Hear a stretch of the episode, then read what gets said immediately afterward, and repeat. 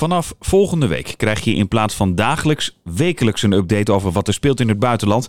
En dan vooral natuurlijk de situatie in Oekraïne. Deze week doen we dat gewoon nog dagelijks. En vandaag doe ik het samen met buitenlandcommentator Jan van Bentum van onze krant Het Nederlands Dagblad. Mijn naam is Marien Korterink en dit is de update van dinsdag 12 april. De Russische president Vladimir Poetin heeft vandaag tijdens een bezoek aan een lanceerbasis in het oosten van Rusland gezegd dat het Westen Rusland niet kan isoleren. Dat melden Russische persbureaus. Poetin zei dat het in de moderne wereld onmogelijk is om welk land dan ook te isoleren. En het is al helemaal onmogelijk om dat met zo'n enorm land als Rusland te doen, zei hij. En de Russische economie stevend af op een krimp van meer dan 10% dit jaar. En dat zou de grootste daling van het bruto binnenlands product zijn sinds de jaren na de val van de Sovjet-Unie in 1991. Dat zegt oud-minister van Financiën Alexei Kudrin. Hij staat momenteel aan het hoofd van de Russische Rekenkamer en was van 2000 tot 2011 minister van Financiën. Rusland heeft te maken met een oplopende inflatie. Daarnaast is er sprake van een kapitaalvlucht. Dat is het massaal over de grens brengen van bezittingen. En vanuit het belegerde Mariupol komen vandaag onbevestigde berichten van een aanval met chemische wapens door het Russische leger. De Oekraïense autoriteiten hebben dat niet bevestigd, maar president Zelensky zegt wel dat de inzet van chemische wapens in Mariupol door het Kremlin een realistisch scenario is. Pro-Russische separatisten ontkennen trouwens het gebruik van die chemische wapens. Ja, en hoe chemische wapens werken en hoe realistisch het is dat ze ingezet worden, dat bespreek ik vandaag met Jan. Ja, Zelensky zegt dat het een realistisch scenario is dat de Russen chemische wapens gebruiken of gaan gebruiken. Vind jij dat eigenlijk ook? Ja, dat hangt er vanaf in wat voor mate je uh, de inzet van chemische wapens wilt bekijken. Als je het hebt over treiterijen, waar dus die, die gemelde aanval, hè, zo, uh, die niet bevestigd is nog, uh, zou kunnen zijn. Want er waren maar drie mensen die ademhalingsproblemen hebben gekregen en, en tranen in de ogen en, en dat, nou, dat soort zaken. Uh, dat lijkt een beetje op zeg maar, de afgelopen jaren, hoe, hoe chemische aanvallen zijn uitgevoerd in Syrië. Die waren dan groter, er werden van die vatbommen gebruikt, ook met chloorgas erin. Maar dat was niet zeg maar, die grote aanval zoals toen in Douma in het begin van de Syrische burgeroorlog, rond 2013, waarbij 1400 doden vielen. Het zijn veel kleinere aanvallen, waarbij soms doden vallen, soms alleen gewonden. Maar wat eigenlijk een, een middel is om de burgers weg te treiteren uit het gebied. Oh, dus jij zegt eigenlijk, dat, het is een soort van waarschuwing. Dat, dat, zou kunnen zijn, dat zou het kunnen zijn.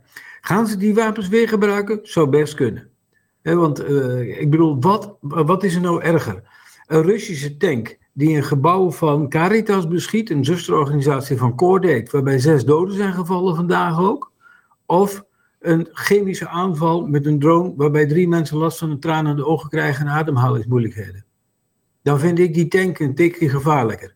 Het past in, het geheel van het verjagen van mensen die niet voor Rusland zijn, zodat je uitsluitend een Donbass overhoudt, Donetsk en Lugansk, met mensen die wel uh, de Russen toegedaan zijn. Ja, maar dat, ja, het is raar, maar dat klinkt dan bijna sympathiek vanuit de Russen. Zo van, jongens, ga nou weg.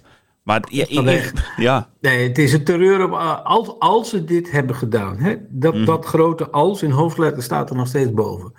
Is het een van de uh, pesterijen, zeg maar, om mensen weg te krijgen. Ik, wat, wat veel erger was, is die eindeloos herhaalde belofte, ook voor Mariupol, dat er evacuatieroutes zouden komen. Afgelopen zondag zou dat weer zijn, daarvoor was het zaterdag. Er is geen klap van terecht gekomen. Het wordt voortdurend geblokkeerd.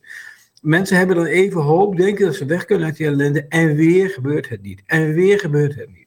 En dan, ja, dan, dat is echt de kwestie van zoiets van, kies voor ons of ga maar dood. Ik vind het wel heftig dat je dan zegt, ja, treiterijtjes. Dat klinkt bijna in een oorlog, een treiterijtje. Dat klinkt uh, als belletje lellen, bij mij zo spreken. Ah ja, ik, ik zie het in verhouding tot een raket die op Kharkiv neerkomt. Dat is vandaag ook weer zwaar bestookt, en gisteren. Um, daar vallen veel burgerdoden bij. Dan, dan is zo'n drone met, met, met, met eventueel chloorgas of iets dergelijks is in verhouding uh, nou niet het ergste oorlogswapen. Alleen je krijgt er de notie bij chemisch wapen. En dat is iets wat natuurlijk streng verboden is. Maar het echte gevaar ligt niet op dit gebied. Ik heb hier net een, een interview uh, met de Duitse Welle bij me, met de voormalige vice-minister van Buitenlandse Zaken van Rusland, Andrei Fedorov. Die zegt, joh, weet je wat wel gevaarlijk is? Is dat dat hele idee van wederzijdse afschrikking in kernwapens in Rusland gewoon niet meer werkt. Ja, zo van, over- als jullie het gebruiken, dan, dan bombarderen wij Moskou. Nou, of, of eh, in die zin van eh, als er op een gegeven moment een finale klap moet worden uitgedeeld om de doelen te bereiken die Poetin vandaag nog weer zegt te willen bereiken, want hij is bij Lukashenko op bezoek en hij zegt nee, die actie die zullen we doorvoeren in O- Oekraïne totdat wij onze doelen hebben bereikt. Geen twijfel aan. Nou, als dat je niet op normale wijze lukt, en je gaat al over de grens heen van chemische wapens, stel dat dat nu het geval is, dan, dan zo waarschuwt Andrei Fedorov, die voormalige vice-minister Buitenlandse Zaken, bedenk dat in hun denken de grens over de inzet van kernwapens is gepasseerd. Ja, jij bedoelt eigenlijk, vroeger was het zo van, uit angst voor de, dat je ook terug Voor de aangevallen wordt. van het Westen doen doe je dat het niet. Maar Ja. de NAVO heeft al eerder gezegd van als er een beperkte tactische aanval komt, nucleaire aanval, ja, dan is het niet verstandig dat wij ook nucleair gaan reageren. Want eh, als inderdaad waar is wat Fedorov ook zegt, die grens is in het denken gepasseerd, dan is een escalatie naar een groter nucleair conflict, dat, dat kan dan in een razend tempo plaatsvinden. Dat, Ja. en, en als dat één keer plaatsvindt, dan dat hou je niet meer. Dus dat is een risico wat, eh, wat je niet moet nemen. Ja. Even over die eh, chemische wapens gesproken. Wordt, eh, worden verschillende termen gebruikt. Ik wil ze eventjes wat ontleden met jou. Er wordt bij Mariupol bijvoorbeeld gesproken over gifgas. Wat houdt dat dan precies in? Nou ja, bijvoorbeeld een heel bekend gifgas uit, eh, uit, Syrië is het zenuwgas sarin. Nou, dat moet je een heel specifiek laboratorium voor hebben. Dan moet je een heel specifieke manier van, van granaten hebben om dat te, af te leveren of van bommen. Een ander en veel meer gebruikt gifgas, wat minder erg is dan sarin en minder eh, dodelijk, omdat het zich veel sneller verspreidt eh, en oplost, is chloorgas. Daar kun je brandwonden van krijgen, zware problemen met je ademhaling, je ogen kunnen beschadigd raken, noem maar op. Het is al nagelang hoe direct je ermee in contact komt. En dat is in Syrië royaal gebruikt de afgelopen jaren. En ook de Organisatie voor eh, de Bestrijding van eh, van Chemische Wapens, de OPCW, hoofdkantoor Den Haag, eh, die zegt dat daar heel duidelijk aanwijzingen voor zijn. Dat dat vrij constant is gedaan. En dan zijn het ook echt van die, van die prikacties. En tweede, het derde doel van, van chemische wapens kan zijn dat jij zegt, zijn de anderen. En dat je dat als een propagandamiddel gebruikt. En standaard in Syrië was zo dat Rusland begon te, te, te klagen dat de hulporganisatie Witte Helmen zou, aan het slepen zou zijn met chloorgascilinders om een chemische aanval eh, op te zetten. Of een fake aanval van Rusland eh, in scène te zetten. Nou, dat was de standaard aankondiging dat er een luchtbombardement kwam. Nou ging het eerder ook over fosfor dat, dat gebruikt werd. Nou ligt dat wat ingewikkelder volgens mij. Want dat is op een bepaalde manier dan ook weer toegestaan in een oorlog. Ja, fosforgranaten gebruik je bijvoorbeeld om een rookgordijn op te trekken. Dat is een van de snelste manieren om te krijgen. Krijg je zo'n dicht wit rookgordijn van. Mhm. Je kunt het ook als een eh, brandbom gebruiken, om, branden te stichten. Eh, Fosforbommen zijn vrij royaal gebruikt ook in de Tweede Wereldoorlog. Er zijn net eh, een paar jaar geleden had, heeft de EOD eens een keertje 50 tegelijk in Nederland nog opgeruimd. Ehm, als militair doel om bijvoorbeeld een doelwit te, aan te duiden. Hè, vroeger in de Tweede Wereldoorlog had je zogenaamde padvinders. Dat waren lichte tweemotorige bommenwerpers met heel nauwkeurige navigatie. Die markeerden dan met luchtfakkels en dergelijke de doelen, waarna de zware bom, eh, bommenwerpers die bestookten. Nou, dat kan nog steeds, dat is nog toegestaan. Het is toegestaan als, een eh, als verlichting van een doel op de grond. Het is toegestaan als rookgordijn. Het is niet toegestaan om te gebruiken als een middel in bebouwd gebied. Ja. Het doel wat je ermee wilt markeren of aanvallen, dient echt buiten bebouwde gebieden te liggen. Klinkt, klinkt ook wel weer bijzonder natuurlijk. Dat die wapens ergens op een bepaalde manier dan toch toegestaan zijn. Ja, maar kijk, je mag ook niet met een tank op een eh, huis schieten waar burgers in zitten. Dat is dezelfde regel. Dus er is niet zo'n enorm principieel onderscheid tussen een fosforgranaat en een gewone granaat. Zodra je dat ding op burgers richt, ben je bezig met oorlogsmisdaad. Als je weet dat de burgers zijn. Klaar. En als, die, als je weet dat die er niet zijn, dan zijn er andere regels. Dan, zijn er, ja, dan krijg je de regels van het oorlogsrecht. En dan kun je dus naar ratio, proportionaliteit, middelen gebruiken waarvan je zegt van ja, daar ga je wel dood aan. En dat doe je net zo goed aan een tankgranaat dan aan een fosforgranaat. Denk je dat beide gebruikt zijn of juist niet gebruikt zijn? Want hè, dit is nu inderdaad Er een beetje zijn wel eens niet. is. indicaties dat er fosforgranaten zouden zijn gebruikt op bepaalde plekken in eh, Oost-Oekraïne. Ehm, maar dat zijn vooral indicaties, dat is ook nog in onderzoek. Dat, die, die berichten zijn er al langer, maar gisteren was er weer zo'n bericht.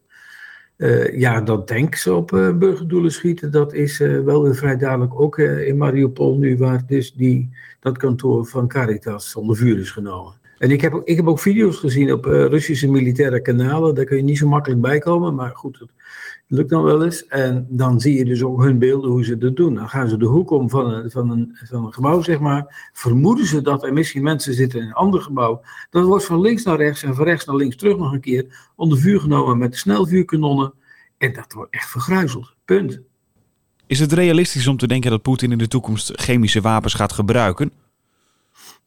Het grootste dreigende arsenaal wat hij heeft is nucleair. Eh, volgens de OPCW heeft Rusland wel degelijk in 2017 zijn arsenalen chemische wapens echt eh, definitief vernietigd. Dus ze zouden ze nieuwe moeten hebben gemaakt.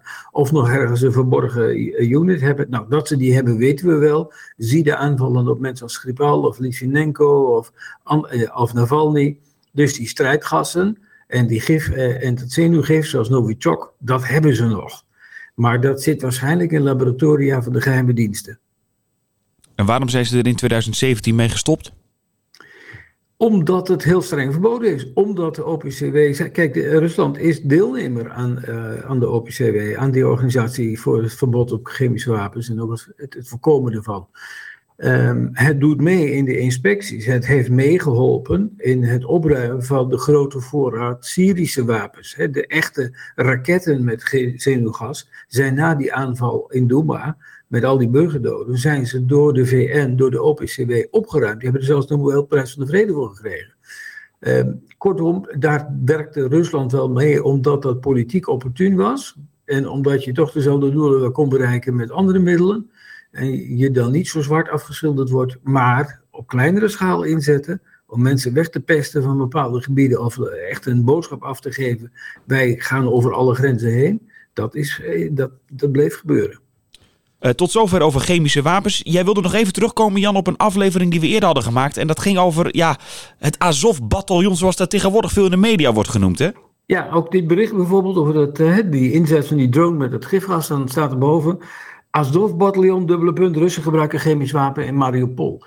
En sluipenderwijs is die naam Azov-bataljon weer teruggekomen. De Russen gebruiken die consequent. Maar dat is het oude bataljon waar inderdaad neonazies in zaten. Dat is in 2015 opgegaan in de Nationale Garde van de Oekraïne. Het, heet het Azov-regiment. En die naamswisseling geeft ook aan dat er een, een verandering is geweest in de commandostructuur. Mm zeg maar, de neonazistische leider, Wilinski, is uit het bataljon vertrokken. Voordat het het regiment werd. En heeft een eigen partij, de Nationale Garde, uh, sorry, het Nationale Korps opgericht. En zit dus niet meer in het Azov-regiment. Er zitten wel, nog wel neonazies in als militairen. Maar het is niet qua karakter, qua systeem, een neonazistische organisatie. Zijn we uh, op een bepaalde manier in de Russische propaganda getrapt? In de Russische naamsaanduiding getrapt. Ja, misschien niet met het besef van, hey, we gebruiken de naam die gelieerd is aan dat neonazistische verleden. Uh, zeg dus gewoon Azov-regiment. En als je het dan nog wilt hebben over achtergrond, prima. Dat was Azov-bataljon, maar dat is het nu niet meer. Punt bij deze het Azov-regiment. En mocht je er meer over willen weten, we hebben er dus een uh, speciale aflevering over gemaakt. Die vind je wel in de feed hier. Dankjewel Jan voor vandaag en uh, we spreken elkaar morgen weer. Heb je een vraag voor Jan of wil je reageren? Dat kan via oekraïne.nd.nl en een nieuwe update staat dus morgen om 4 uur weer voor je klaar.